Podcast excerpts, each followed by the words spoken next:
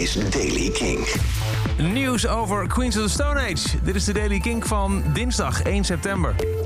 Ja, één heel nieuwtje. Het heeft nog lang geduurd vond ik, voordat er een dag bij was met zo weinig nieuws als vandaag. Maar toch nog één nieuwtje vandaag in de Daily Kink. En dat is wel een heel toffe. Reading and Leeds, het jaarlijkse festival in Engeland... dat eigenlijk afgelopen weekend had moeten plaatsvinden... heeft de, nou, in een deel van de line-up voor volgend jaar bekendgemaakt. Disclosure, Liam Gallagher, Post Malone... en voor het eerst sinds drie jaar weer samen op een podium... Queens of the Stone Age. Dus die gaan weer wat doen, Josh Homme en zijn vrienden.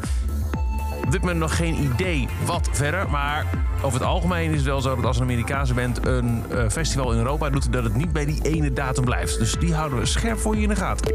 Net is zover de Daily Kink. Elke dag bij met het laatste nieuws en nieuwe releases. Niks missen. Luister dan dag in dag uit via de Kink-app, of waar je ook maar naar podcast luistert.